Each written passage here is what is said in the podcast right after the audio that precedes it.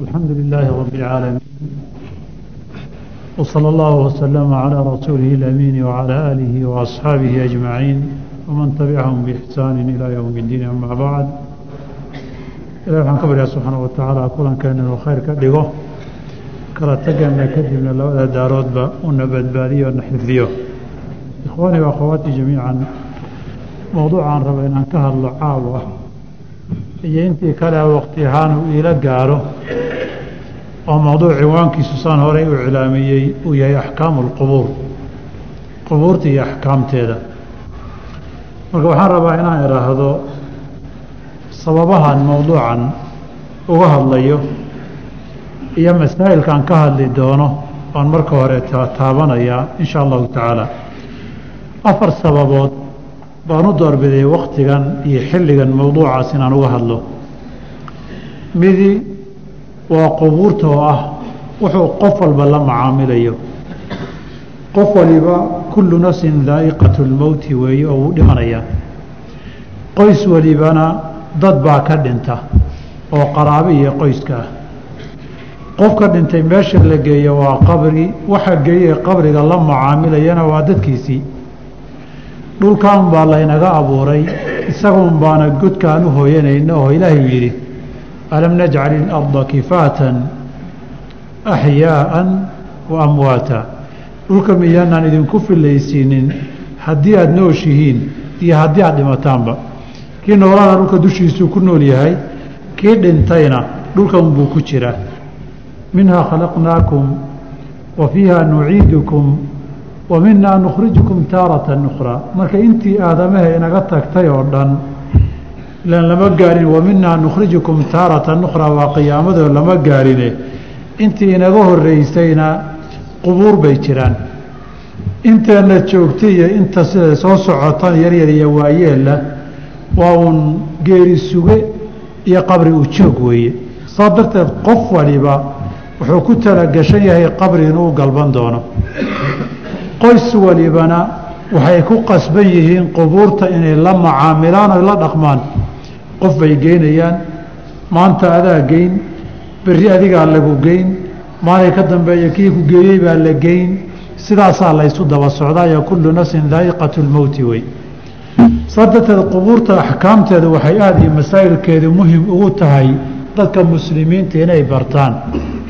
Ooy axkaamteeda tirada badan ee shariicadu ay ka hadashay bal in wax muxa looga sheego ay wax ka ogaadaan. In baahidaasi ay jirto aqoon darro badan oo la xiriirtana ay jirto axkaamteeda arrintaa uun jawaanibteeda ma dhammaystiri karee. Qayb inaan caddeeyo baan ku talagalay. Masalada labaad ee sababteeda waxaa weeye shariicadeennoo aada uga hadashay waxaa la yidhahda axkaamu alqubuur maadaama dadku halkaa loo wada socdo inta hadda aadamaha nool iyo inta qubuurta jirtana inta qubuurta jirtaay ay badan tahay oo min aadam laga soo bilaabo ilaa hadda qubuurtan lagu gurmayuun wixii galana aanu soo noqon lahayn. Dadkiina halkaa loo wada socdo bay shareecadeennu axkaamta qubuurta aada uga hadashay axkaamta ku aadan dadkeedu xuquuqda ay leeyihiin qaabka loola macaamilayo waxa bannaan waxa aan bannaanayn waxa shuruud ku xidhan tahay waxa shardi la'aanah intaba axkaamta shariicadu aada bay uga hadashay.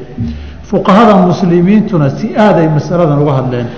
Alkitaab wa fiqiga ugu yar haddaad soo qaado baab waxaad ugu tegi la yidhaahdo baabu dafni meydka marka la aasayo.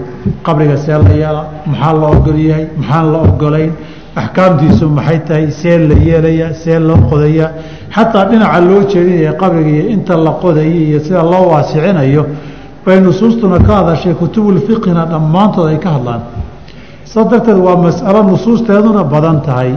Masaa'ilkeedana qaar nas cad sheegay iyo qaar sida abwaabta fiqiga kalaba ijtihaadi ah isugu jiraane aadan kitaab fiqiga ka waayeynin. Mid aada u faahfaahiya iyo mid soo gaabiya labadaba. Madaahibtoo dhanna ay isku raacsan tahay. Sidaas darteed baa haddana iyadoo sidaas tahay baa wax badan oo axkaamteedii la xiriirta ay dadka ka daahan tahay oy ka daboolan tahay. Masalada saddexaad aan uga hadlaya waxaa weeye arrintaas aqoon la'aantu ay sababtay oo qaabka qubuurta loola dhaqmo iyo macaamilkiiyo dadku qubuurta marka ay tagaan iyo qubuurta waxa laga rumaysan yahe laga haysto waa qaladaad aada u tiro badan oo qaarna camali iyo dhaqan yihiin qaarna caqiide iyo iimaan yihiin bay mujtamacu si aada ugu dhaceen si aadana ummadda ugu baahday. Saas darteed inaan qayb iyo dhinac ka mida ifiyo in waxyaabaha qaarkood oo la sameeyo oo qubuurta loola dhaqmaay ay xuduuddii shariicada ka baxsan tahay nusuusta kitaabka iyo sunnadana ay ka hor imanayso waayo aada bay u tiro badan tahay maadaama wixiina aan la aqoonin afriba had iyo goorna faraha lagula jiro lala macaamilayo qaladaadka dhaca aada u tiro badan. Arrinta afraad ee ugu dambaysa mawduucan uga hadlayaay maalmahana waxaa jira buuq. Buuqa jiray wuxuu qayb ka noqday iyadoo soomaalidu ay si isaga imtixaanan tahay. Baa buuqeedii bay qubuuruhuna qayb ka noqdeen. Dadkuna macaamilkii qubuurta waxay u qaybsameen bayna alifraati waatafriiti kuwo xuquuqdoodii ku tunta iyo kuwo xaqayna lahayn siiya. Qubuur baa la bixiyey. Waxaan filayaa xilli laba kun iyo shantii ahayd meelahaas. Bay ahayd xilligii kenya niman dhallinyarihii meelo kamida ay masaajid qubuur ka saareen oo mambaasadoodii ka dhacday. Anu waddanka ma joogin sida aan maqlay. Shacbin xasuusaa mahayn? Laba kun iyo shantii miye saasaan filayaa. Warku saasuu igu soo gaaray walo waddanka joogin. Haddana soomaaliya waxaa maalmahan ka jirtaa la yidhi qubuur baa la saaray. Inkastoona anigu wax run iyo beena waru haynin. Wax badanoo waxna aanan ka dabagelin oo warkan ma jiraa mise ma jiro aanan raadin. Laakiin buuqii wuxuu keenay joornaal baa lagu qoray. Idaacadaa laga hadlay. Qaar baa telefishinno tegey internetba wax lagu soo qoray. Fagaarihii iyo fadhi kudirirkii bay gashay dadku maxaa la sheegay iyo dhagtaa la taagay. Nimankii artistahay oo dhan baa sawiro sameeyey wixii oo dhan baa batay. Marka dadkii sheekadii majaalista lagu sheekaysanayey baa waxaa la dhexgelayaa masaa'il axkaamteeda shariicadu ay ka hadashay siyaabo badanna ay u qeexday aqoonna aan loo lahayn baa waxay noqotay waxay aniga ila tahay. Ninku ninkii uu taageersanaa wuxuu sameeyey xaqin aw baailin taageeri ninkii wixii uu sameeyey qolo uu ka soo horjeeday ay sameeyaan bixaqin aw baailin wuu ka hor iman. Sheekada fagaaruhu mar reer reer bay geli mar ninkan annagaa isxignay tegi wixii soomaali lagu yaqiinay. Iyo sheekadii masaa'ilkii axkaamtii shariicada ahaa baan iyadoon kutubtii loo noqon baa fadhi kudiri laga dhigay. Saas darteed ba waxaan is leeyahay labo labadaba arrintaa in loo bayaaniyo way uga baahan tahay markay saa u dhacdo. Dadkii waxaanay walaahowga ku jiraan sharcan maxaa saxa maxaa khalada? In la taabto oo la bidhaamiyo dadku baahi bay dareemayaan xilligan quluubta iyo dhaguhu aad bay u dhegaysaneen bal waxa saxdaa in loo sheego inta ilaahay khayr la doona waygeli marka labaadi dad badan oo ku dhiiran lahaa wax mukhaalafo sharciya erayaan habboonayn iyo qaababaan habboonayn inay erey u cabiraan inay xakamayso bal in la isku dayo inay xakamayso ama cid xakamaysaay ay gaarsiiso. War waxani waa xuduud shariica. Axkaamta shariicaduna sidan ay ka tiri. War adiguna ka da adiguna ka da afartaas sababood. Baan u doorbiday insha allahu tacaala caawa iyo waktigii kale igu qaadato inaan ka hadlo masaa'il la yihaahdo axkaamu اlqubuur masaa'ilkan ka hadli doonaay insha allahu tacaala hadda dib baa masaa'il igaga soo bixi karaan laakiin kow iyo toban mas'alaan rabaa inaan ka hadlo asaas ahaan. Kow iyo tobanka mas'alaan tirinayaa. Mas'alada koobaadi qubuurta muslimiintu xaqa ay dadkeeda ku jira leeyihiin iyo waxaa looga baahan yahay qofka muslimkiihi qaabka inuu ula dhaqmo looga baahan yahay. Masalada waa ka hadli doonaa haddii la yihahdo masalada labaadeen ka hadli doona waxaa weeye miisaanka shariicada waxyaabaha aan bannaanayn qubuurta in laga sameeyo ama lagu sameeyo aan sharcan ahaan u bannaanayn iyadana masalada labaadeen ka hadli doono. Masalada saddexaad aan ka hadli doona waxaa weeye waxa la yidhaha waaqic lqubuur qubuurteennu hadda sidii habboonayd iyo sidii xaraam tahay labadii masale hore halkeebay waaqica qubuurteennu maanta kaga jirtaa muslimiin haddaynu nahay meel kastaba joog bariya galbeed midkaa dooni joogo qubuurtu ma xuduudii shareicada ay ku eg tahay? Xuduudii shareicada ma lama ka baxday ma qaybsan tahay? Masaladaas ayadana wax kaga dhihi doonaa insha allahu tacaala masalada saddexaad. Masalada afraad waxaan ka dhihi doonaa qubuurta gaaladu in la qufaayo ma bannaan tahay.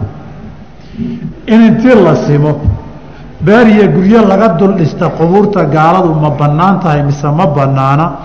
Baan iyadana mas'aladaa ka hadli doonaa afraad. Masalada shanaad waxaan ka hadli doonaa qubuurta muslimiintu. Haddii uu wakti dheer ka soo wareega qabriga oo lafi iyo ciid uu noqdoo lafihii baaba-aan qabrigii qof kale ma lagu aasi karaa oo qabri labaad ma laga dulqodi karaa diintu maxay ka qabtaa?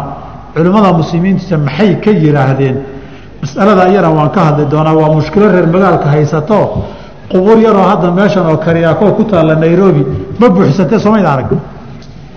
Tan maxaad ka sheegi karyaako qubuurtii baqiic oo kooban oo xilligii nebiga sal slam jirtay ilaa hadda waxbaa lagu aasaa. Marka dadku waxay isweydiinayaan dhulkani ma buuxsama miyaa masaladaasoo culimmadu ay ka hadleen qofkani qabrigiisa intee in la-eg buu xaqu leeyahay in loo daayo ma weligiiba ma wakti go-an oo xaqii uu meeshan u lahaa uu dhammaan baa jiro oo qof kale la gelin karo? Masaladan nusuusta iyo culimmadu waxay ka yidhaahdeen iyana inaan soo bandhigaan doonaya masalada shanaad. Masalada lixaadi qofka meydka ee qabriga ku jira een weli baabi'in isagoon weli baabi'in marka la dugay kadib in kastaba ha ka soo wareegtee dan uu meydku leeyahay intii loo qodo ma looga soo saari karaa maslaxad meydka laftiisa uu leeyahay meydkii ma loo faqi karaa? Tusaale ahaan qiblada looma jeedini markii la aasayey lama lama dhaqin dhaqitaan la'aan baa la aasay iyo wixii lamida ma la soo qfagi karaayo? Waa masalada iyadana lixaadaan ka hadli doono insha allahu tacaala. Masalada toddobaadaan ka hadli doona waxaa weeye meydkii la aasay. Maslaxadiiyo dad dad nool ay leeyihiin inta looga daba tago ma loo qodi karaa xoolaa ku dhacay oo qabrigii ku aasmay tusaale ahaan dhul uusan lahayn oo dhacoo la boobay oo dad laga haystay baa meyd lagu dhaxaasay. Dadkii lahaa ma iska saari karaan meydka ma ka saari karaan. Iyo masaa'ilka lamidkaa xuquuq dad nool ay leeyihiin dartood. Qof meydoo la aasay ma la fagi karaa. Maxay culimmadu ka yidhahdeen nusuustuna ka tilmaantay? Iyana waa ka hadli doona waa masalada toddobaad. Masalada sideedaad qabrigii aasnaa ee waa hore la duugay dan guud iyo maslaxad guud oo jid baa maraya iyo maaxbaa laga dhisayaa iyo maslaxad guudo ummaddu ay leedahay meydkii ma loo saari karaa mise looma saari karo? Maxaa daliila maxayse culimmadu ka yidhaahdeen? Iyadana waan ka hadli karaa. Ma bannaan tahay mise ma bannaana? Ka hadli doonaa insha allahu tacaala. Waxaan ka hadlayaa qubuurtu haddii la baryo oo la dawaafo oo akhriya dumba la weydiisto. Ma qubuurun bay ahaan mise xukmu اlasnaami wاlawsaan bay qaadaan sharcan. Maxaa diinta daliil iyo xujo looga hayaana? Insha allah iyana waa masalada sagaalaad. Een ka hadli doono. Waxaan ka hadli doonaa oo kaleeto. Qubuurta haddii laga baqa in lagu fitnoobo ama laga dhisa waxaan sharcigu ogolayn kan la dhisay ma la dumin karaa kan lagu fitnoobee gudaha ku jirana inta la bixiyo. Meelaan la aqoon ma lagu aasi karaa? Ma bannaan tahay mise ma bannaana? Maxaa xujiye daliila? Iyana waa ka hadli doonaa cumuuman tobankaa masalaha ugu waaweyn masaa'il yar yarana waa raacin doonaa insha allahu tacaala. Intaan ku jirana masaa'il baa laga yaabaa inay igu soo baxaanoo aan u baahda inaan wax ka idhaahdo ilahi waxaan ka baryaa subxaana wa tacaala wixii xaq iyo khayra inuu nagu sugo. Laba arrimood baan haddaba xasuusinayaa. Marka koobaadi mas'aladu marka laga hadlaya masaa'il sharciga oo axkaam sharciga in la sheego la doonayo oo masaladan si cilmiga in looga hadla la doonayo dadka muslimiintaa waxaa waajib ku ah wixii xujo iyo daliila inay raacaan. Oo la iska daaya koox koox iyo guruub guruub iyo ilahi subxana wa tacaala diinta marka uu soo dejiyey dadka afraad ahaan buu u faray inay u raacaan. Qof qaldamay ama guruub iyo taageeraanu ahaa ilaahay agtiisana qofku haddii uu isaga raaco dembi ka badbaadin mayso. Aakharana garab iyo hilla kuu noqon maayo. Ama midaad taageersanayd ama qori ha wato ama waranla ha ahaado ama nimaad necbayd dartii inaad masale uga tagtaay ood masaa'il diina ugu tumataay iyadana aakhare meel la kaa soo saari mayso. Mas'uuliyadda shariicadeennu wax mas'uuliya fardiya weeye aakhiro marka la tago. Qof walba camalkiisuu mas'uul ka yahay. Saas darteed qofka muslimkaa waxaa waajib ku ah wixii xujo iyo daliil sharciga inuu raaco. Ama ha waafaqa sidii naftiisu jeclayd kooxdiisu ay qabtay ab iyo awow uu ka soo gaaray. Ama ha khilaafto wixii ab iyo awow laga soo gaaray ee isagu uu ku qanacsanaa cidda wadata ama ciduu jecel yahay ha noqoto ama ciduu ka soo horjeedoo necab yahay ha noqoto. Waxaa muhima in la ogaado waxaa tacasubka la yidhaahdo iyo hebel baa kana hiya koox hebel iyo guruub hebel baa nahay wax bannaan maaha diintuna xaqa sharciga laguma miisaamo kooxda yadiibaa sidan tiri ama samaysay ama kooxda yadaa waxaan diidan oo ka soo horjeeda xaqa laguma garto. Xaqa haddii taa lagu garanayo waa horu lumi lahaa. Qolo walbana wax iyagu ay rabaan baa xaqu noqon lahaa. Waxa ilaahay ina faray nabigana ala slam ina faray aimadii muslimiintuna inoo dardaarmeen xujadii iyo daliilka diinta in la raacee kanay ahayd iyo kanaan maqli jiray iyo kutiri kuteen aan diin iyo cilmi iyo mabaadi laga dhigan. Taan baana rajaynaya inaan isku ogaano masalada labaad en baraarujinaya waxaa weeye wixii qalada in la saxaayey wax loo baahan yahay. Anigu waxaan rabaa saan sheegay qaladaad jira inaan saxo. Waxay sidaas tahay waan qadami karaa. In la isaxana baa furan weeye.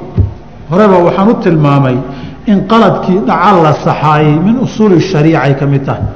Intaasoo qur'aan soo degayay xilligii nabiga calayh isalaatu wasalaam waxyaabo badan oo qaladaad oo xataa saxaabadu ay sameeyeen oo lagu canaananayaa jiray.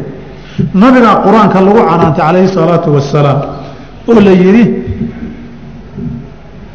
ilaahay waaba waa ku dhaafaye lima adinta lahum xataa yatabayana laka aladiina sadaquu wataclama alkaadibiin waa tabuq markii laga soo noqday nimankii munaafiqiinta ay ka takhallufee kadib maray.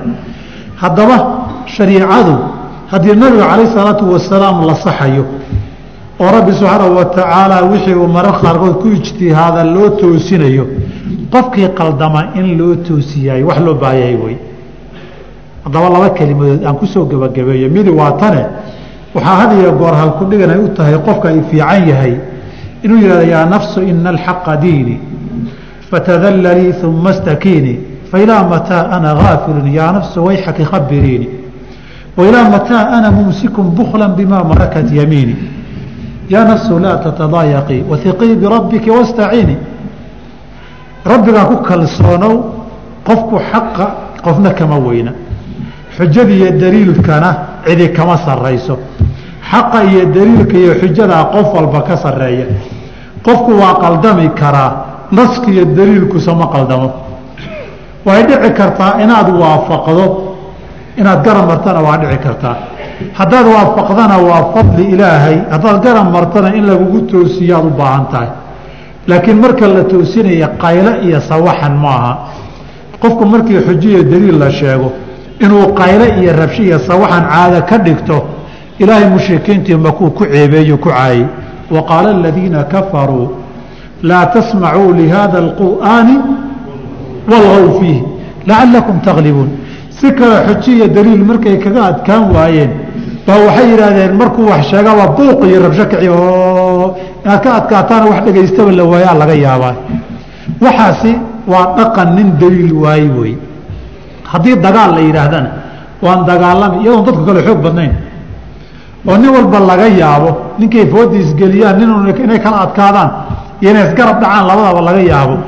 Haddana qur'aanku wuxuu inoo sheegay waa xiilatulcaajiz weeye. Xoog iyo dagaal baan aadi xiilatulcaajiz wey waa nin xujo waaye wey qisada muuse iyo fircawn akri muuse iyo fircoon waxay xujiye daliil iyo su'aal iyo jawaab socotaba ninkii fircawn ahaa markii gidaarku soo celiyey. Muxuu yihi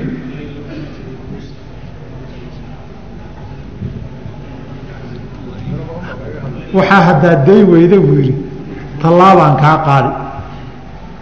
Qoladii saxarada ahayd ee sujuudayna markuu yihi maxaad saa u samayseen? Hanjabaadi iyo garac bilaabay. Bur baan qaadan iyo torri baan qaadan iyo waan dagaalani waa nin daliil iyo xujo waaye warkii wey. Qofku hadduu qaldan yahay nusuusta shareicadeenna waxayna bartay intii laga dhagaysto baa loo caddeeyaa. Waxaa sugan nabigeena calayhi isalaatu wasalaam isagoo kacbada agteeda fadhiya. Madaxdii iyo jilib culustii quraysheedna ay fadhiyaan. Bay wada hadleenoo la yidhahda intii arrin lagu wada hadlaa waxaa la yidhi yaa maxamed u tago u sheega. Nin baa soo kacay kumuha ninkaasaa sheegay ibn rabiica. Waa kii soo kacay yihi maxamedow niyow maxaa kugu dhacay? Waxaana wada muxuu yahay? Haddaad jiran tahay waan waxbaan kugu akhriyaynaa hadday xoola la'aan tahay xoolaan buu kuu ururinaynaa. Kursiga taga haddaad rabto taaj boqortooyaa kuu tolaynaa wixii buu ku akriyay nabigu waa dhegaystay. Ma qaylyin ma dagaalamin rabsho ma samaynin. Markuu dhamaystay buu wuxuu yidhi abulwaliidow ma dhamaysatay markaasuu yidhi haa anay dhegaysu yidhi marka? Ana markayga xamiim tanziilu min araxmaani araxiim kitaabun fusilat aayaatuhu buu ku akriyay markuu maraya saaciqatan mila saaciqati caadin wathamuud buu afka qabtay basbas halkaa iga jooji baasha. Marka qadiyadu alxujatu wadaliil wey. Laakiin haddaad aragto nin qaylyo iyo nin rabshaan kicin dhaha iyo nin waan dagaalami yidhaahdi iyo meel kaloos wax ka qaabtay iyo diin iyo daliil iyo xuju waaye waxaan leeyahay sidaan maalintii horeen ka hadlaya manaaqibka idhi wixii aan ku qaldamo waa layga sixi karaa. Anaana kursiga iyo makarafoonka siin. Intii la qoro qof cilmi iyo diin ahaan waxu radin karaa hadduu yimaado halkanaan ku soo dhoweyn. Maxaa war kale iyo buuq kale laysugu wadaa ha ku soo dhowaado ninkii waxaan qaldamay saxaya ama ha yaraado ama ha badnaado ama ha joogo ama ha maqnaado. Laakiin waxaan rabaa inaan ihahdo ereyga ku gebagabeeye waxaa weeye. Markii xaqa iyo shariicada la yidhaahdo wixii nusuusta iyo diinteennan kaamilkaa horay u dhammaystirtay baa asal ah. Wixii gadaal diinta looga darana ee bidciya baailana beenaan jirin weeye nabiguna kullu bidcatin dalaalatun buu yidhi. Saas darteed baa alcawaasim alqaasim muqadimadeeda waxaad ku arkaysaa qasiidadii maxamed ibraahim wasiire daaliyada ahayd baa waxaa ka mid ah eryadan cajiibka waxaa ka mid ahaa. Markuu nin walaalkii abuu la hadlayo waxyaabo badanoon jirin akhriyey alcawaasim alqawaasimna nin walaalkii ku radinaya waa sagaal mujalad mise waa toban. Tobankaa mujalad nin walaalkii oo ka weyn oo fadli kulahay oo soo koriye oo qaldamay buu ku saxayey qaladaadka uu leehay waxaa ka mid aha marka w ninkaasaa ku ceebeeyey aqwaal waa hore la yihi iyo culummo hore warkood baad haysaa markaasuu wuxuu yihi laakinanii arda alcatiiqa waaxtami min kuli qowli xaadiثi mutajadidi ina asalaamata fi اlcatiiqi wainahu kashamsi waadixata licayni اlmuhtadi wuxuu yihi anigu kii horaan jecla isagaana isku ilaalinayaayo wax kastoo bidco cusub oo lakanaa isaga ilaalinayaan badbaadadu ina asalaamata fi اlcatiiqi aqwaashii iyo qowlkii hore culimmadii hore waxay yidhaahdeen iyo nusuustii diintu horey u kaamil yeeshay bay badbaadadu ku jirtaa waana sida qoraxda ay u muuqato u cad yahay ninkii hanuun doonaya kadib waxaan u gudbayaa masaa'ilkii ale waan ka hadlayaa masalada koobaad qubuurta muslimiintu xaqa ay ku leedahay dadka muslimiinta ah. Iyo dadka amwaadda ee qubuurta ku jira ixtiraamka ay mudan yihiin. Ma soo koobi karoo kutub bay culimmadu ka qoreen. Kutub badanna dhexdood baa baabab loogu sameeyey. Laakiin waxaan rabaa inaan ihahdaa waxaa weeye dadka muslimiinta ee qubuurta ku jira waxay mudan yihiin qadarin iyo ixtiraam. Lamida midkii ay mudnaayeen waktigii ay noolaayeen si markay noolaayeen diinta maqaamkeediiyo alla ka cabsiga ama xaqa khaaska ee waalid oo kaleetiya ay kugu lahaayeen ay u kala xuquuq badnaayeen bay u kala ixtiraam badan yihiin. Waxaa waajib ku ah qof kasta oo muslim ihi inuu muslimiinta qubuurtooda iyo dadkoodaas ixtiraam iyo qadarin iyo qiimeyn uu u hayo waajib diineed oon ciddo diidi karin wey. Walidaalika dhulkan bannaanan cidi horay u lahayn ee muslimiintu ku aasan yihiin waxay fuqahada muslimiintu isku wada raacsan yihiin inuu dhulkaasi waqaf ku yahay. Cidnana aanay ka qaadan karinoo iyagu leeyihiin. Inta jirkoodii waxuun baaqi ka yahay iyo lafahoodii. In la ixtiraamo oon loo dhowaanin oo agtooda la marin adilada culimmadu aadka ugu daliishadaan waxaa ka mid a xadiidka caaisha radi allahu canha wa nabigu sala allahu alayh alih wasalam uu yihi kasru cadmi اlmayiti ka kasrihi xaya qofka meydka ee dhintay inaad laftiisa jebisa waxay la mid tahay isagoo oo nool laftiisa inaad jebisay la mid tahay qofkani weli xukmulislaam buu baaqi ku yahay. Isaga iyo aakhare ilaahay wixii ka dhaxeeya waa baab hayb oo aniya adiga la inooma dirsan. Laakiin ninkii daahirulislaam ku dhintay baa waxaa la jideeyey in maqaabirta iyo qubuurta muslimiinta lagu daro. Qubuurta muslimiinta iyo dadkeeduna waxay mudan yihiin in loo ixtiraamo sidii loo ixtiraami jiray markii ay noolaayeen in loo qadariyo sidii loo qadarin jiray markii ay noolaayeen. In laga ilaaliyo wax kastoo wax kastoo meel kaga dhaca qubuurta muslimiinta wax kastoo meel kaga dhaca in laga ilaaliyaay waajib weeye. Sidaa qofkan uga ilaalinaysay markii uu noolaa inaad isaga iyo sharaftiisa iyo xuquuqdiisa iyo cirdigiisa meel kaga dhacdo walidaalika ma banaana kiibat laxyaai kuwa nool in la xanto kuwa dhintay in la xantana ma banaana cirdiga dadka nool in la qadfo ma banaana qofka dhintay in la qadfana ma banaana qofka muslimka ee dhintay wayn dhimashadu keentay oo dee xiriirintii cunto ha la siiyo cabitaan ha la siiyo meelu sexda ha la siiyo aan lahaynuun maahanoo se wax cunaynin oo cabaynin ma ahane ixtiraamkii iyo qadarintii baa laga doonayaa walihaada baan dhowr qadiyadood baan tilmaamayaa oo in qadarintaa loo baahan yahay wax kastoo sharaf darriya meel kaga dhaco ixtiraam darro ana aanay bannaanayn dhowr arrimoodoo nusuusta sharcigu ay ku tilmaantay maadaama aan soo koobi karin arrinta koobaad nabigu wuxuu arkay calayhi salaatu wasalaam nin qubuurta dhex socdaoo kaba qaba qubuurtana waa buyuutu ahlihaa wa asxaabihaa. Guryahoodii wey innaguna guryaheenna markaan tagnay ridda markaad ka gelaysaan baad kabaha banaanka dhigtaan. Bashiir ibn khasaasiya wuxuu lehi radi allahu canhu wa ardaahu nabigaan la socday alay slam qubuurmuslimiin baa nimid. Isagoo nabigu socda buu fiiriyo nin bay ishiisu ku dhacday. Ninkii oo laba kabood qabo oo qubuurta dhex socda markaasuu wuxuu ihi yaa saaxiba sabtiyatayni alqi sabtiyatayka. Ninkaa labadaa kabood ee saanka saantii haragga ka samaysan qabow dhig kabaha bixi waryaa ninkiibaa soo fiiriyey ninkan hadlaya hadalka kule markuu gartay inuu nabigi yahay sal allahu alah wasalam kabihii buu bixiyo markaasuu iska tuuray. Xadiidkaasi asxaabu sunankaa wariya waana xadiid saxiixo nabiga ka sugan calayhi salaatu wasalaam. Arrinkaasi wuxuu tilmaamayaa sidii dadkii markay noolaayeen guryahoodii iyo gogashooda aadan kaba wasakhaynaya ulaan dhex socotaay ixtiraam darro ay u ahayd. Dadkan muslimiinta ee sukaanulqubuurka ee guryahoodii iyo buyuudoodii ku jira inaad kaba ixtiraam darro keedhi tilmaamaya ula dhex socoto iyada ma banaana wixii baabu daruuraad galee loo soo istisnoodee fuqahada qaar ay sheegeen waa gaar. Hadday noqotay qabri maalin lagu aaso ama qabri dumoo duleeshaday ciid lagu rogo. Meeshana qodaxay leedahoo kabalaan aadan socon karin. Daruuraad bay fuqahada qaarkood sheegeen. Baabu daruura waa baabkeeda.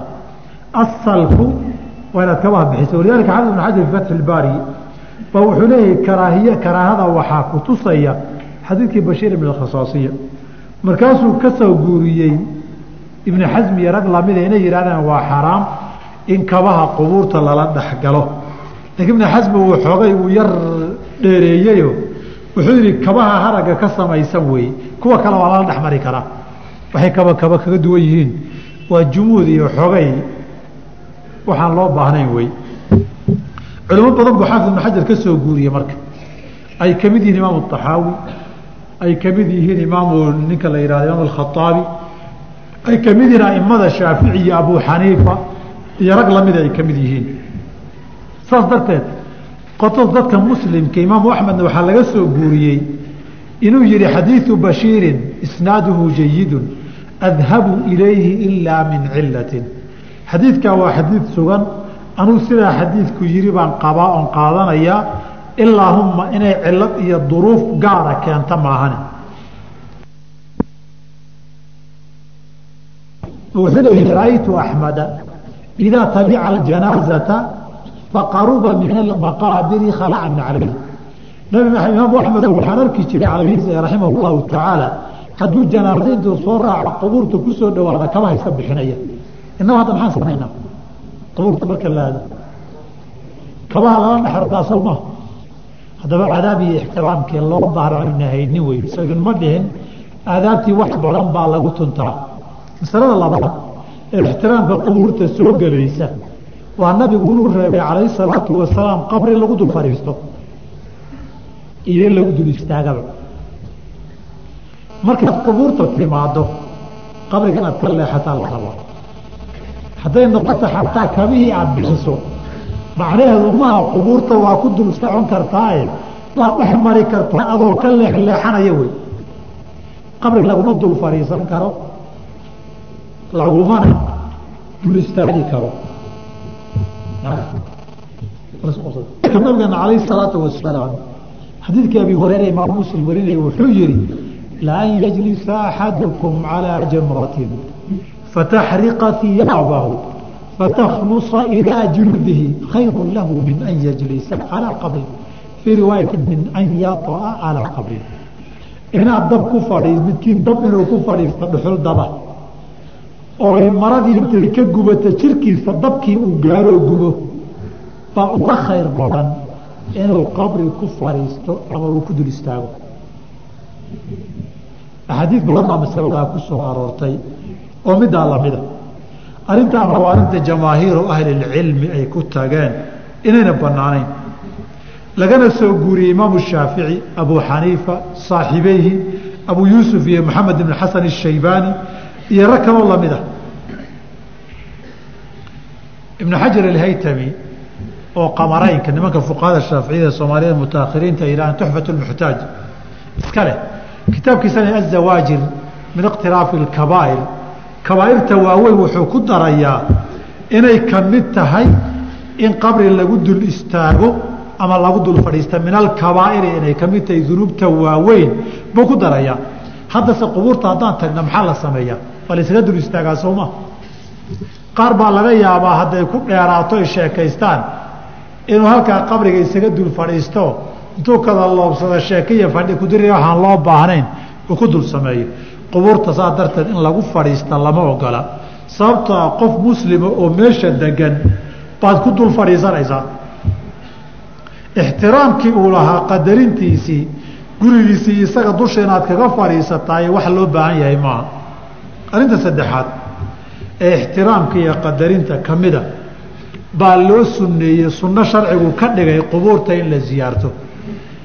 Walidaalika nabiga nu yihi sala allahu alay sl xadidkii muslim iyo keyrkii wariyeen ibureydata bn xusayb radi allahu canhu waardaah kuntu nahaytukum can ziyaarati اlqubuuri fazuuruuha fainahaa tudakirukum اlaakhira horey waxaan idinku diiday qubuurta inaad ziyaarataan ordaya oo hadda ziyaarta maxaa yeelay aakhiray idin xasuusinaysaa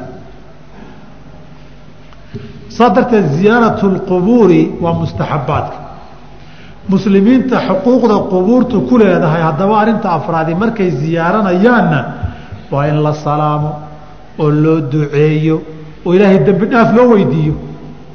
Walidaaliku nabigan xadidka caaisha muslim iyo keyrkii wariyaan waa kii uu lahaa ay lahayd rasuulku ala sl slam wuxuu aha mar kastoo habeenkeedii wareegeeda la soo gaaraba aakhiru leylku bixi jiray qubuurta baqiic waadi jiray. Markaasuu wuxuu dhihi jiray assalaamu calaykum ahla daara qowmi mu'miniina wainaa waiyaakum wamaa tuucaduuna gada muajaluun wainaa in shaa allahu bikum laaxiquun. Allaahuma kfir liahli baqiici اlgarqad wuxuu dhihi jiray assalaamu calaykum nabadgelyo dushiina ahaato ahla daara qowmi muminiin dad muminiin degan yihiin halkaa ku garatay ahalka daartan iyo dadka meesha muminiinta ee deganow waan isbuu salaamay markaasuu wuxuu dhihi jiray annaga iyo idinkuba berri baan udiblee dibdhigayaayo qiyaamaa inaga wada dambaysiiyo xisaab annaguna haddii alla yidhaahdo waan idinka daba imanaynaa oo qubuurta iyo barzakhaan idinku soo gaari doonaa markaasuu ilaahay intuu baryo buu dhihi jira ilaahu reer baqiic u dembi dhaaf. Ilaahu reer baqiic u dembi dhaaf. Marka koowaad salaantu waa qeyb duca ka mida nabadgelyo dushiina ha ahaato. Marka labaad ereyga uu nabigu yihi waa ixtiraam iyo qadarin. Aada qadarinaysa dad mu'miniin iyo muslimiina meesha inay degan yihiin oo guryahoodii iyo deegaankoodii tahay. Midda saddexaadi waa ilaahay dembi dhaaf inaad u weydiiso adigoo og adiguna halkaaun inay kuu dambayn doonto o tegi doonto waxaa lamida aayaddii qur-aanka ahayd ilaahay mu'miniinta uu ku ammaanay inay yidhaahdaan rabbana kfir lana wاladiina jaaءuu min bacdihim yaquuluuna rabbana kfir lana walikhwaanina aladiina sabaquuna biاliimaan walaa tajcal fii quluubina gila liladiina aamanuu rabbanaa inaka ra'uuf raxiim kuwa gadaal ka yimidi waxay yidhaahdaan ilaahu annaga noo dembi dhaaf. Walaalaha iyagii naga horeeye ee mu'miniinta ahaana u dembi dhaaf. Ilaahu qalbiga iyaga xumaato iyo cuqdad ha u gelinin. Dadkaa mu'miniintaee naga horeeyey iyo dadkaa muslimiinta ee reero aakhiro noqday ilaahu qalbiga iyo cuqdad iyo xumaato ha ugu beerin. Ilaahu adigaa tura oo naxariista labadaa qadiyadood ee ziyaarada iyo ducaynta marka la isku daro qubuurta la ziyaaranayo laba xikmadood baa ku jirtay nusuustu caddaysay. Midda koobaadi adigan ziyaaranayay dani kugu jirtaayo fa innahaa tudakirukum alaakhira aakhiray ku xasuusin. Aakhiro iyo dhimasho inaad xasuusatana waa arrin nabigu ku booriyey dadkao akiruu min dikri haadihi ladaat almowta waa ki yidhi waxaad badisaan xasuusta ka nolosha macaankeeda soo afjara oo geerida ah. Geeridoo la xasuustana waa waxa qofka qalbigu inuu ingego. Aakhirana halmaamo ka hor istaagtee ugu badan weeye markaad qabriga timaado eed aamuska la yaabto en dhaqaaq lahayn ee dadkaad shalay ogeyd halkay ku wada dambeeyeen kii madax ahaa.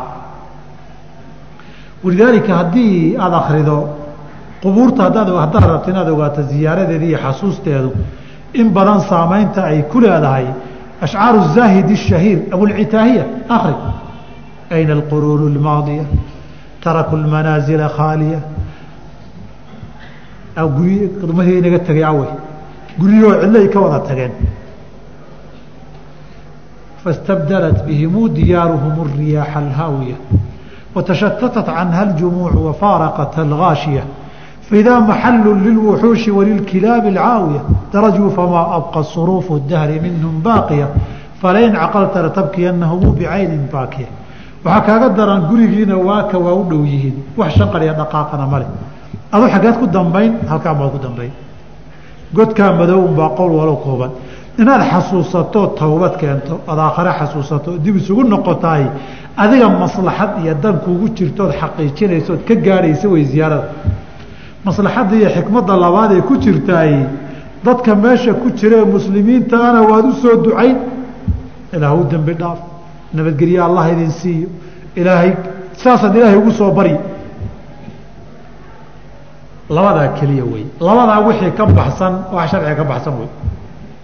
In isagii laftiisa la qadiyaddu waa inaad waxu ducayso wey. Macnaheedu yaa duca mudan oo loo duceeyaa ninka dhintay inqaaca camaluhu buu noqday idaa maata bnu aadama inqaaca camaluhu laakiin ducaau lmumin qabri cadaab baa lagaga fududeeyaa walidaalika nabig ala intuu yimid qabriga oo ku tukaday buu wuxuu yihi qubuurtoodu naar bay ku horeysay waxaa lagaga qaboojiyey salaadaydii saas darteed dadka qubuurta jiray camalkoodii iyo diiwaankoodii la xiray intii laga soo reebay ma ahane ducay u baahan yihiin ilaahay loo baryay u baahan yihiin ilaahay dambi dhaaf in loo weydiiyey u baahan yihiin laakiin hadda waa la cagsiyey iyagaa la baryaa. Iyagaa la tuugaa iyagaa wax la weydiistaa iyaga akhriya adduunba loo daba fadhiyaa. Col iyo abaar iyo cudurraa laga magangalaa cadaab aakhiraa laga magangalaa waa tii shariicadu ay amartay wax ka duwan. Aan tilmaamo laakiin dib baan kaga soo noqon doonaa masalada shanaad ee nusuustu ay tilmaantay waxaa weeye ahlulcilmigu inay yidhaahdeen waxaa sunno ah. Qofku hadduu geeriyoodo arrintaas ziyaarada iyo ducada darteed in maqaabirta guud ee muslimiinta lagu aasaa wanaagsan oo sunno ah. Si dadkaa ziyaaranaya o dhan salaantooda iyo ducadooda u helo en keligii duur cidlaa lagu aasin keligiina meel duur cidlo iyo jaako cidlaa aan lala aadin xataa me hadday banaanaato allaahumma ila shuhadaa ninka shahiidkaihi idfanuuhum fii amaakinihim wey meeshay ku dhinteen baa lagu aasi haddaynan milkulgayr ahayn xoolaha hanti dadleey haddaynan ahayn oo dhulaan cidi lahayn tahay shuhadada waxaa sunno oo wanaagsan halkay ku shahiideen in lagu aaso dadka intiisa kale sunnada sharciga iyo culammadu dhammaantood intaa arkay yihaahdeen waa maqaabirta muslimiinta in la geeyo wey arrintaan ku soo gebagabeynayeen wax badan inaan xasuusi xasuusinaya waxay tahay arrin kaloo inaan xasuusiye ay tahay waxay tahay. Dadkaa dhintay wax ka sheegoodu ma banaana in la caayana ma banaana laba labadaba ma banaana mid weeye qof markii wax laga sheego inbaa xigtiya qaraabo ah oo ka xumaan oo ay dhibi oo muslimiina. Dadkaa muslimiinta iyo dadkaa nool in la dhiboo lagu xumeeyana ma banaana marka labaadi dadkan dhintay wax ka sheegooda wuxuusan u banaanayn adduunna kaagaba tage aakhirana hadday xun iyo wax sameeyeen iyaga iyo rabbigood bay dhex taallaayo camalkoodii jazihiisii wayba hayaanba. Labadaas sababo darteed baa nabigu alay salatu wasalaam wuxuu waxuu reebay can sabi اlamwaati xadiid zayd bni arqam radia allahu canhu ardaahu baa maalin wuxuu maqlay mugiirata bni shucba oo cali wax ka sheegay cali oo dhintay radia allahu canhu ardaahu markaasuu wuxuu yihi mugiirow maxaad cali wuxuuga sheegaysaa waqad maata isagoo dhintay alam taclam ana rasuula اllahi salى اllahu alayhi wasalam nahaa can sabi اlamwaati dad dhintay in la caayo wax laga sheegoo la duro inuu xaaraantinimeeyey nabigu miyaadan ogeyn muqirow labada xikmadood ee ku jiraba haddaba mid xadiidka caaisha lagu sheegay imaamu lbukhaari wariyey oo wuxuu yihi laa tasubu اlamwaata fainahum qad afdow ilaa maa qadamuu dadkani wixii ay aakhare geysteen gacantay ku hayaane dadka dhintay waxaa ka sheegina caydoodiiyo wax ka sheegooda iska daaya mar labaadna waxa uu ku yihi xadiid mugiirata bni shucba laa tasubu اlamwaata fatu'du اlaxyaa dad dhintahe caayina waxaad dhibaysaan dadka nool nin jir nin jir jir lahaya ay jirin kama qoslo soomaalida waa kay tiraahdo qofka wax laga sheegay dadkiisu ama ha noolaado ha noolaadaan ama ha dhintaane hadalka wuu dhibi oo qadiyada abiicada qaraabtiya raximtinimada iyo jiirka isku yaalla baa keeni laasiyama hadduu dhintayna kaba sii daranba arrimahaasina waa arrin ay habboontahay xadiis saxiixa weeye in lagu baraarugo oo la ogaado. Waxaan ku soo gabagabay. Waxaa kaloon banaanayn biitifaaqi اfuqahaa'i qubuurta muslimiinta. Haddaan waxyaabaha qarad sharciga oo sharcigu ogol yahay iyo qarad saxiixa uunan jirin kow. Welina lafahoodii iyo jirkoodii wax ka nool yahay inaynan banaanayn in la taabto ama la qodo ama la fago baa itifaaqu culamaa ah haddaan ku soo bilownayo kasru cadmi اlmayiti ka kasrihi xayan xadiidkaasaa asalahoo loo daliishaday intaasaa waxaan kaga bixi masalada koobaad adaan kadib baan wadi doonaa insha allahu taala alxamdu lilah masalada labaad waxyaabahaan banaanayn miisaanka sharciga marka la eego ee nusuusta adiladu caddaysay in qubuurta lagula dhaqmo. Ma soo koobi karo laakiin iyagana qaybaan ka bidhaaminaya. Masalada koowaad een bannaanayn qubuurta agtooda in wax lagu gowraco iyadoo ilaahay dartii loo gowracayo wey in qabri loo gowraco maaha. Ilaahay dartii baad wax u gowracaysaa gowraca ilaahay dartii lagu caabudayo in qabri agtii lala doonto oo lala aado diinteenna kuma bannaana. Amaa gowraca ilaahay kayrkii in loo gowraco qabri loo gowracay taasi mas'alo kale weeye. Taasi waa masalo kale weeye. Laakiin qof muslima oo xoolo gowracaya ilaahay dartiina u gowracaya inuu qabriga la aado diinta kuma bannaana. Arrintaasina waxay ahaan jirtay cadaya dhaqan ay carabta jaahiliyadu lahaan jirtay weeye nabiganuna waa ka reebay calayh sala slam xadiidka abu daawuud wariyey iyo bayhaqi iyo axmed kayrki iyo kayrkoodba saxiixa. Nabigu alay slam wuxuu yihi laa caqara fi lislaami xoolo qabri lagu gowraco islaamka kuma banaana ragga ruwaadda waxaa ka mid ah aimada cabdirazaaq ibni hamaam sancaani musanafka iyo tafsiirka iyo iskale wuxuu yihi kaanuu yacqiruuna cinda alqabri baqaratan aw shaatan neef loo ama neef ari ah baa qabriga lagu gowrici jiray oo xabaalqod ahaan jiray. Xabaalqodka waa taqaanaan ama waxaad tidhahdaan agas neef geela oo buuran oo kurus weyn oo hili badan in la keena qabriga oo ninkii awrka meydka lagu soo qaaday lagu soo daba xiro oo lagu soo faruur xiro. Waa caadooyinka dhaqanka soomaalida xoola in lagu qalaa weeye mas'alada ah qabriga in xoolo lagu qalo xabaalqod u bixi magac kala u bixi. Xoolahan waxaan ka hadlaynaa waad qalaysaa ilaahay dartiina waa u qalaysaa. Laakiin qabrigaad la aaday laa caqra fi lislaami laa caqra maxaa looga jeedaa? Cabdirazaaq wuxuu le imaam cabdirazaaq xadiidka raggii wariyey ka mid aha kaanuu yacqiruuna cinda alqabri baqaratan aw shaatan neef loo ama neef fariga ay qabriga agtiisa ku qali jireen ka waran sanad guurada xoolaha inta la kaxeeya qubuurta lagu qalayana ee xoolaha qabriga la geynayo loo nadrayo baab kale waay baabkaas. Laakiin waxaan ka hadlaynaa qof ilaahay dartii wax u qalay qabriga agtiisana la tegay iska badaa qabriga aad u qashee shariicadeenna kuma banaana waxaa labaad oon shariicadeenna ku bannaanayn dhowr arrimood. In qubuurta kor loo dheereeyoo la dhisa ma bannaana. In shaminto lagu wareejiyana ma bannaana. Waxaa kaloon bannaanayn in wax lagu qorana ma bannaana.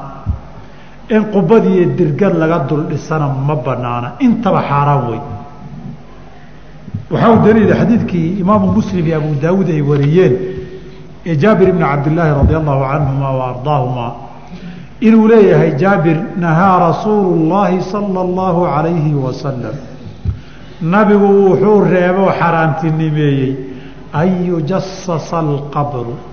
Qabriga in la nuuradeeyo nuurad la mariyo. Kow wa an yuqcada calayhi in lagu dul fadhiisto oo nabigu diiday oo xaaraantinimeeyey wa an yubnaa calayhi in wax laga dul dhiso derged iyo dallaalin iyo qubad laga dul dhisana wuxuu dooniba ha noqdee waa diiday. Aw yusaada calayhi ciiddiisii waxaan ahayn in lagu gediyana waa diiday. Aw yuktaba calayhi in wax lagu dul qorana waa diiday. Qubuurteeni ku noqo marka. Dib baan uga hadli doonaa ee xadiidkaa si fiican u xasuusnow in nuurad la mariyo iyo in wax laga dul dhiso iyo in ciid kale lagu daro iyo in wax lagu dul qoro iyo in lagu fadhiisto shantaasoo nabigu israaciye calayhi salaatu wasalaam. Shantaba nabigu waa xaaraantinimeeyey. Saas darteed qubuurta muslimiinta miisaanka sharciga ay leedahay waa inaan kor loo dheeraynin. Oo waxaa xaraama taake iyo wax lamida wax ka badan in qabriga kor loo sii qaada waa xaraam. Iska badaa guri dheer iyo dergad iyo qubad in laga dhise. Maxaa caddaynaya? Waxay culimmadu u daliishadeen xadiidkii imaamu muslim iyo keyrkii wariyeen. In caliy bn abi aalib radia allahu canhu wa u yeelay nin la yihahdo abulhayaaj alasadi oo uu yihi alaa abcauka calaa maa bacahanii calayhi rasuulu llahi sal slam ma kuu diraa shaqadii aniga nabigu waaguu noolaa uu diray een soo fuliyey ma soo fulin aan kuu dire maxay ahayd? Anlaa tadaca timhaalan sawir meel taagan inaadan daynin. Ilaa tamastahu inaad baabi'isa maahane. Walaa qabran mushrifan. Qabri koru dheera inaadan marin. Ilaa saweyto dhulka inaad la sinta maahane aadan dhaafin. Qabri koru dheer haddaad aragta la sin haddaad aragta sawir iyo sanam wax loo caabudo ama sawiradan boomboladoo meel taaganna baabi'oo cagta mari. Haddaba cali waxaa loo diray oo nabigu u diray sal l slam qubuurta kor u soo kacsan in madaxa la guro oo laga gooyo. Baa cali nabigu u diray sala allahu alayh alih wasalam waradia allahu can caliyin saas darteed ma banaana intaa caadiga ee taakadiya waxaa lamidkaa qabriga in laga dheereeya lama ogola waxaa kaloo banaanayn qubuurta. In loo tukado ama lagu ag tukado. Waa laba masale. In markaad tukanaysa xagga qiblada qabrigu uu kaa mara ma banaana waxaa labaadoon banaanayn intaad orodo qubuurta agteeda midig iyo bidix iyo gadaal meeshay dooniha kaa jirtee salaada qubuur agtoo qabri agtii inaad la doonato ma banaano ood weli caddo ka dhigto. Weli caddo ma taqaanaa masaajka isbahaysiga xabar hortiisa mid ku yiday garan maysa ragoon dul fadhiyo weligood jumco gelin oon jamaaco gelin oon ciid gelin oon qorax ka harsanin kaasay dul fadhiyaan isagoo ku dul tukadaan. Dhegaysa haddaba.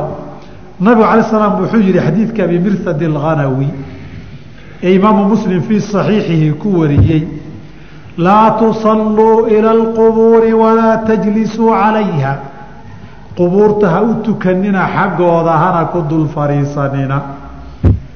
Ha u tukanina xaggoodadii waad aragteen sooma waxaa kaloo nabiga ka sugan calayhi salaatu wasalaam oo afarta sunanka ah, annasaa-i mooyane iyo keyrkood bisanadin saxiixin calaa sharti shaykhayni ku wariyeen. Xadiidu abi saciidin alkhudriyi radia allahu canhu wa inuu yihi qaala rasuulu llaahi sala allahu alayhi waaalihi wasalam nabigii ilaahay waxa uu yihi alardu kulluhaa masjidun ila almaqbarata waalxamaam dhulkoo dhan waa masaajid lagu tukan karo qubuurta iyo meelaha lagu qabqabaysta xamaamka waxaa la dhihi jiray meelo babligo qabays loo galo taana laguma tukan karo qubuurna laguma tukan karo laakiin masaajidii iyo dhulkii loogu talagalay salaada intaad kala tagto ood kala cararto inaad qabri la aado iyadana lama ogola. Waxaa kaloo xaraaman ku soo gabagabay waxyaabaa xaaraamtaa in qubuurta masaajid iyo mawlacyo laga dhisana xaaraam kabaairka dunuub kamida wey min kabaair dunuub dunuubta waaweyn bay ka mid tahay. In masaajid laga dul dhiso. Salaaduna kuma asaxdo oo nabigaaba yihi ha ku tukanina meesha. Hana u tukanina hana ku tukanina. Maqbaradii bartankeeda qubadiiyo masaajid in wadaad looga dhiso ama awowga aada oga yegleesho ma banaana nabigeena casr xadiid badan baa ka sugan oo caaisha iyo cabdillahi bni cabaas baa waxay yihahdeen radi allahu canhu ardaa nabigu alay slam markuu sakaraatulmowtkii hayey tafiqa yaطraxu khamiisatan lahu calaa wajhi. Maro uu maratiisa hayd buu bilaabay inuu isku dado. Xanuunkii sakaraadka haya faida اktama bihaa kashafa can wajhi markuu cabursamo neeftu ku noqotona wejiguu ka qaadayey isagoo sidaas xaalatu sakaraat ilmowt ku jira baa waxa uu yihi lacnat اllaahi calى اlyahuudi wالnasaara lacnadii ilaahay yuhuud iyo kiristan dushooda ha ahaato ittakhaduu qubuura ambiyaaihim masaajid qubuurtii nabiyadooday masaajid ka dul dhisteen ka dhigteen waxay yidhahdeen yuxadiru maa sanacuu waxay sameeyeen buu dadka uga digayey waxaa kaloo geeridiisii ka hor bikhamsi layaalin shan habeen ka hor maalmood ka hor. Intaanu geeriyoonin baa agtiisa waxaa lagaga sheekaystay kaniisada ardulxabasha dadkii hijrada ay ku soo arkeen. Markaasuu nabigu wuxuu yihi ulaaika shiraaru lkhalqi kuwaasi ilaahay uunkiisa kuwa ugu shar badan weeye oo maxay sameeyeen? Waxay ahaan jireen idaa maata fiihim arajulu الsaalixu nin wanaagsan haddii uu dhinto banow calaa qabrihi masjida. Qabrigiisay masaajid ka dursan jireen. Saasay ku noqdeen shiraaru lkhalqi taa labada waxaad ku dartaa xadiidka abi saciid alkhudri latattabicunna sanana man kaana qablakum dheh kuwii idinka horreeyay jidkoodaad qaadi doontaan. Markaasaa waxaad yidhi alyahuudu waannasaara ma yahuudiya kiristankaad ula jeedaa? Qaala faman yaa kale? Yaa kalena ula jeedi lahaa. Kuwa jidkoodaad raacaysaan iyo qubuurtii dadka wanwanaagsanaa iyo ambiyadiibay masaajid ka dul dhisteenee lacnade ha ku dhacdo iyo innaga waxaan samaynay adigu dib isugu noqo. Masalada saddexaad aan raba inaan wax ka ihahda waxaa weeye haddii saa sharci ahaan qubuurta waxyaabihii laga rabay ay ahayd inaan lagu dul fadhiisan inaan la nuuradayn inaan wax lagu qorin inaan ciid kale lagu darin inaan wax laga dul dhisin inaan masaajid laga samaynin inaan kor loo dheeraynin. Aadaabta la rabay tan hadday ahayd inaan loo tukanin oon lagu ag tukanin oon salaad lala doonanin. Arrintaa iyo waaqica qubuurteennu ma iswaafaqsan yihiin mise xuduuddii sharciga waan jebinay